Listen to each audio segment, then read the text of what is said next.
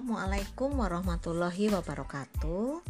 Jumpa lagi dengan Bunia untuk belajar biologi ya. Kali ini kita akan belajar mengenai sistem imun atau sistem pertahanan tubuh pada manusia. Sistem pertahanan tubuh berfungsi melindungi tubuh dari serangan benda asing atau bibit penyakit yang masuk ke dalam tubuh. Benda asing dapat berupa mikroorganisme penyebab penyakit atau patogen, misalnya virus, bakteri, dan jamur. Berdasarkan cara mempertahankan diri dari penyakit, sistem pertahanan tubuh digolongkan menjadi dua, yaitu pertahanan tubuh non-spesifik dan pertahanan tubuh spesifik. Sistem pertahanan tubuh non-spesifik bertindak sebagai pertahanan lapis pertama dan pertahanan lapis kedua. Sedangkan sistem pertahanan tubuh spesifik bertindak sebagai lapis pertahanan yang ketiga. Kita bahas dulu sistem pertahanan tubuh non-spesifik. Sistem pertahanan tubuh non-spesifik merupakan pertahanan tubuh yang tidak membedakan mikroorganisme patogen satu dengan yang lainnya. Sistem pertahanan tubuh ini dapat diperoleh melalui beberapa cara. Yang pertama, pertahanan yang terdapat di permukaan tubuh. Misalnya, pertahanan secara fisik dilakukan oleh lapisan terluar tubuh yang menghalangi jalan masuknya patogen ke dalam tubuh misalnya oleh kulit dan membran mukosa. Lapisan terluar kulit tersusun atas sel-sel mati yang tersusun rapat sehingga patogen akan sulit untuk menembusnya. Pertahanan secara mekanik dilakukan oleh rambut hidung dan silia. Misalnya, Rambut hidung berfungsi untuk menyaring udara yang dihirup dari partikel-partikel berbahaya maupun mikroorganisme. Kemudian ada pertahanan secara kimia yang dilakukan oleh cairan sekret yang dihasilkan oleh kulit dan membran mukosa. Cairan sekret tersebut mengandung zat-zat kimia yang dapat menghambat pertumbuhan mikroorganisme, misalnya minyak, keringat, air mata, air liur, dan sekresi mukosa atau mukus yang mengandung enzim lisosim. Kemudian, pertahanan biologis dilakukan oleh populasi bakteri yang tidak berbahaya yang hidup di kulit dan membran mukosa. Bakteri-bakteri tersebut melindungi tubuh kita dengan cara berkompetisi dengan bakteri patogen dalam memberi memperoleh nutrisi. Pertahanan yang terdapat di permukaan tubuh merupakan pertahanan lapis pertama apabila pertahanan lapis pertama dapat ditembus oleh patogen akan bekerja pertahanan tubuh non spesifik yang merupakan lapis kedua berupa respon peradangan atau inflamasi.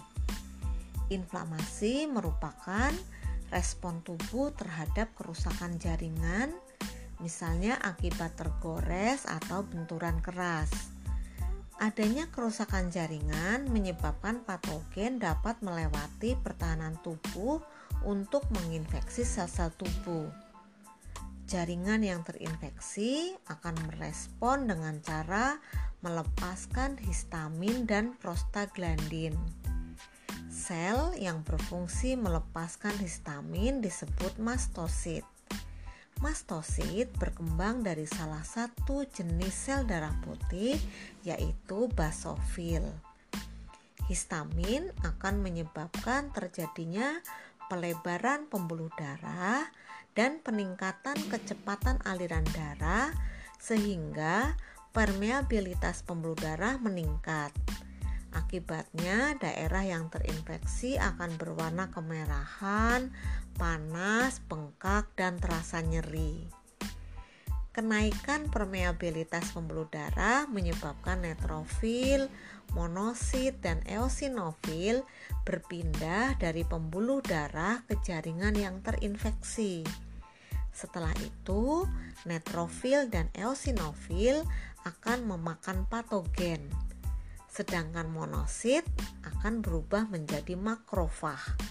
Makrofag berfungsi memakan patogen. Peristiwa suatu sel memakan partikel asing disebut dengan istilah fagositosis.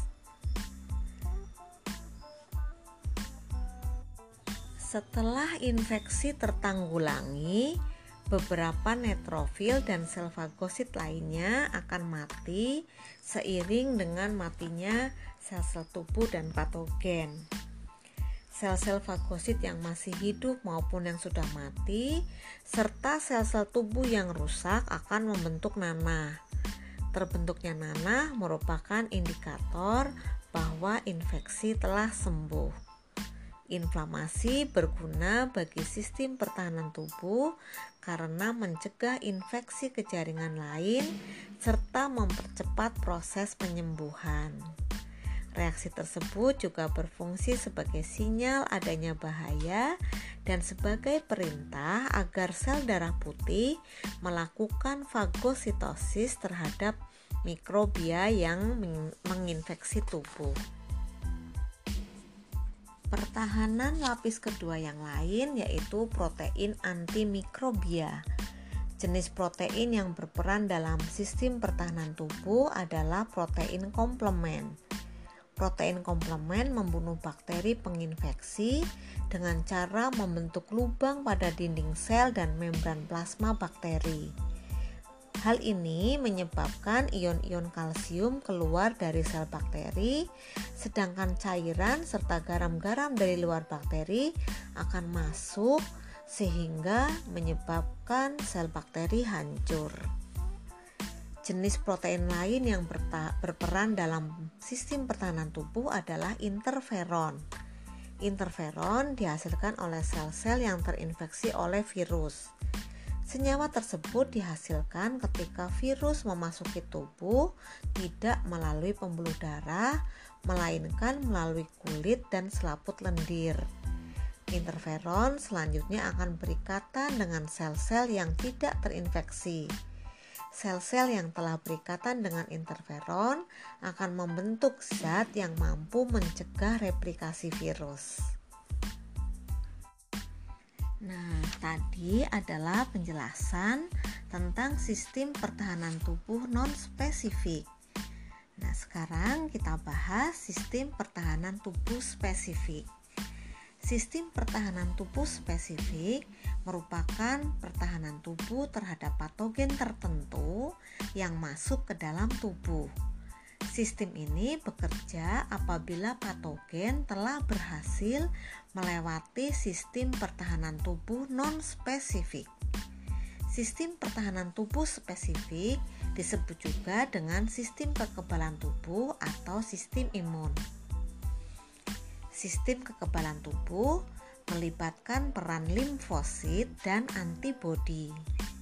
Limfosit terdiri atas dua tipe, yaitu limfosit B atau sel B dan limfosit T atau sel T.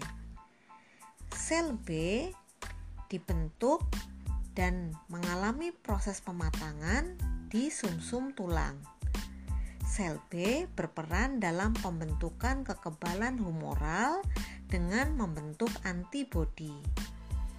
Sel B dibedakan menjadi tiga jenis yaitu sel B plasma berfungsi membentuk antibodi Sel B pengingat berfungsi mengingat antigen yang pernah masuk ke dalam tubuh serta menstimulasi pembentukan sel B plasma jika terjadi infeksi kedua.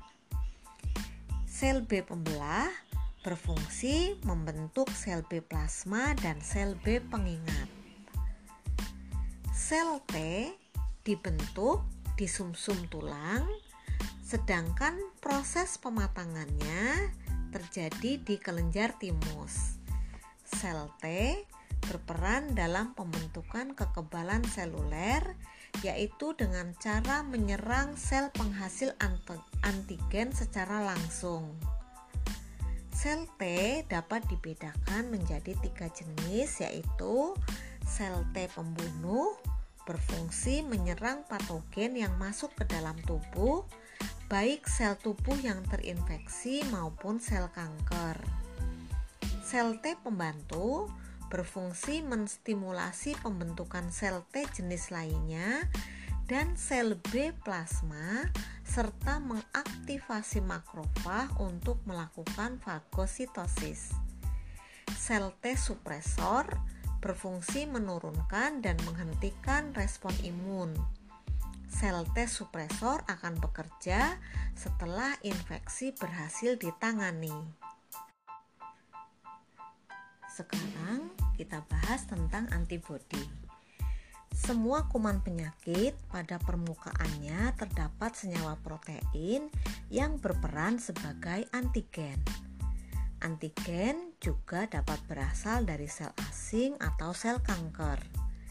Antigen yang masuk ke dalam tubuh akan merangsang tubuh untuk membentuk antibodi. Antibodi merupakan senyawa protein yang berfungsi melawan antigen dengan cara mengikatnya. Selanjutnya, antigen yang telah diikat antibodi akan ditangkap dan dihancurkan oleh makrofag. Suatu antibodi bekerja secara spesifik untuk antigen tertentu. Sebagai contoh, antibodi cacar hanya cocok untuk antigen cacar. Oleh karena itu, oleh karena itu, jenis antigen pada setiap kuman penyakit bersifat spesifik, maka diperlukan antibodi yang berbeda untuk jenis kuman yang berbeda. Setiap molekul antibodi tersusun atas dua macam rantai polipeptid yang identik yaitu rantai ringan dan dua rantai berat. Keempat rantai pada molekul tersebut dihubungkan satu sama lain oleh ikatan disolvida dan membentuk molekulnya seperti huruf Y. Setiap lengan dari molekul tersebut memiliki tempat pengikatan antigen. Tipe-tipe antibodi ada lima macam. Yang pertama IgM, tipe antibodi yang pertama kali dilepaskan ke aliran darah pada saat terjadi suatu infeksi yang merupakan respon kekebalan primer. IgG, tipe antibodi yang paling banyak terdapat di dalam darah diproduksi ketika terjadi infeksi kedua yang merupakan respon kekebalan sekunder serta dapat masuk ke jaringan lain dengan mudah, misalnya masuk ke plasenta.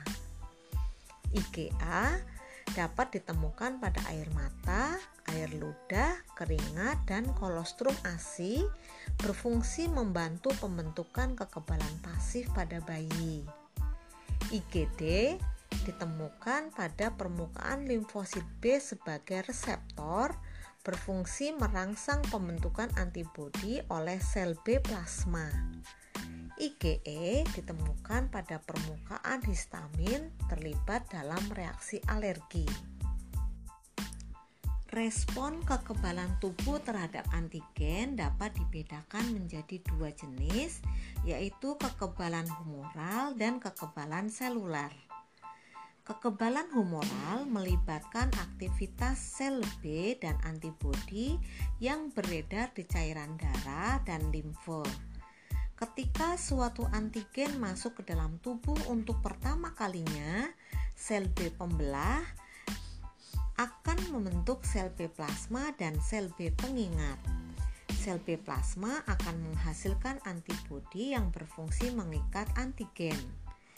Makrofag akan menangkap dan menghancurkan patogen tersebut. Setelah infeksi berakhir, sel B plasma akan mati, sedangkan sel B pengingat akan tetap hidup dalam waktu lama. Serangkaian respon terhadap patogen ini disebut respon kekebalan primer. apabila antigen yang sama masuk kembali ke dalam tubuh, sel B pengingat akan mengenalinya dan menstimulasi pembentukan sel B plasma. Sel B plasma ini akan memproduksi antibodi. Respon tersebut dinamakan respon kekebalan sekunder. Respon kekebalan sekunder terjadi lebih cepat dan lebih besar dibandingkan respon kekebalan primer. Hal ini disebabkan adanya memori imunologi, yaitu kemampuan sistem imun untuk mengenali antigen yang pernah masuk ke dalam tubuh. Yang kedua, kekebalan seluler yang melibatkan sel T yang menyerang sel-sel asing atau jaringan tubuh yang terinfeksi secara langsung. Ketika sel T membunuh kontak dengan antigen pada permukaan sel asing, sel T pembunuh akan menyerang dan menghancurkannya dengan cara merusak membran sel asing. Apabila infeksi telah berhasil ditangani, sel T supresor akan menghentikan respon kekebalan dengan cara menghambat aktivitas sel T pembunuh dan membatasi produksi antibodi. Berdasarkan cara memperolehnya, Kekebalan tubuh digolongkan menjadi dua kelompok, yaitu kekebalan aktif dan kekebalan pasif. Kekebalan aktif merupakan kekebalan yang dihasilkan oleh tubuh sendiri. Kekebalan ini dapat diperoleh secara alami dan secara buatan. Kekebalan aktif alami diperoleh setelah seseorang mengalami sakit karena infeksi suatu kuman penyakit. Setelah sembuh dari sakit, orang tersebut akan menjadi kebal terhadap penyakit tersebut. Sebagai contoh, orang yang pernah sakit campak tidak akan terinfeksi penyakit tersebut untuk kedua kalinya. Sementara itu, kekebalan aktif buatan diperoleh melalui vaksinasi. Vaksinasi adalah proses pemberian vaksin ke dalam tubuh. Vaksin merupakan siapan antigen yang diberikan secara oral atau melalui mulut atau melalui suntikan dengan tujuan untuk merangsang mekanisme pertahanan tubuh terhadap patogen. Vaksin dapat berupa suspensi mikroorganisme yang telah dilemahkan atau dimatikan Vaksin juga dapat berupa toksoid atau ekstrak antigen dari suatu patogen yang telah dilemahkan. Vaksin yang dimasukkan ke dalam tubuh akan menstimulasi pembentukan antibodi untuk melawan antigen. Akibatnya, tubuh menjadi kebal terhadap penyakit jika suatu saat penyakit tersebut menyerang.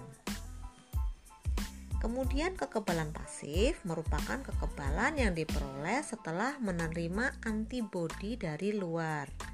Kekebalan pasif alami dapat ditemukan pada bayi setelah menerima antibodi dari ibunya melalui plasenta saat masih berada di dalam kandungan. Jenis kekebalan ini dapat diperoleh juga dengan pemberian air susu pertama kolostrum yang mengandung banyak antibodi. Sementara itu, kekebalan pasif buatan diperoleh dengan cara menyuntikkan antibodi yang diekstrak dari suatu individu ke tubuh orang lain sebagai serum. Kekebalan pasif ini berlangsung singkat, akan tetapi berguna untuk penyembuhan secara cepat.